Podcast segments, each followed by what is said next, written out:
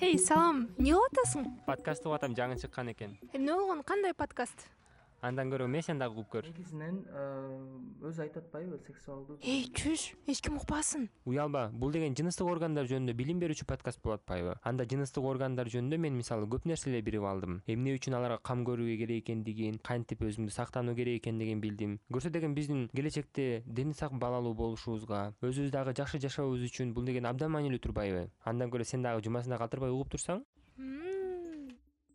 Чүш уялба жыныстык тарбия жөнүндө алгачкы кыргызча подкаст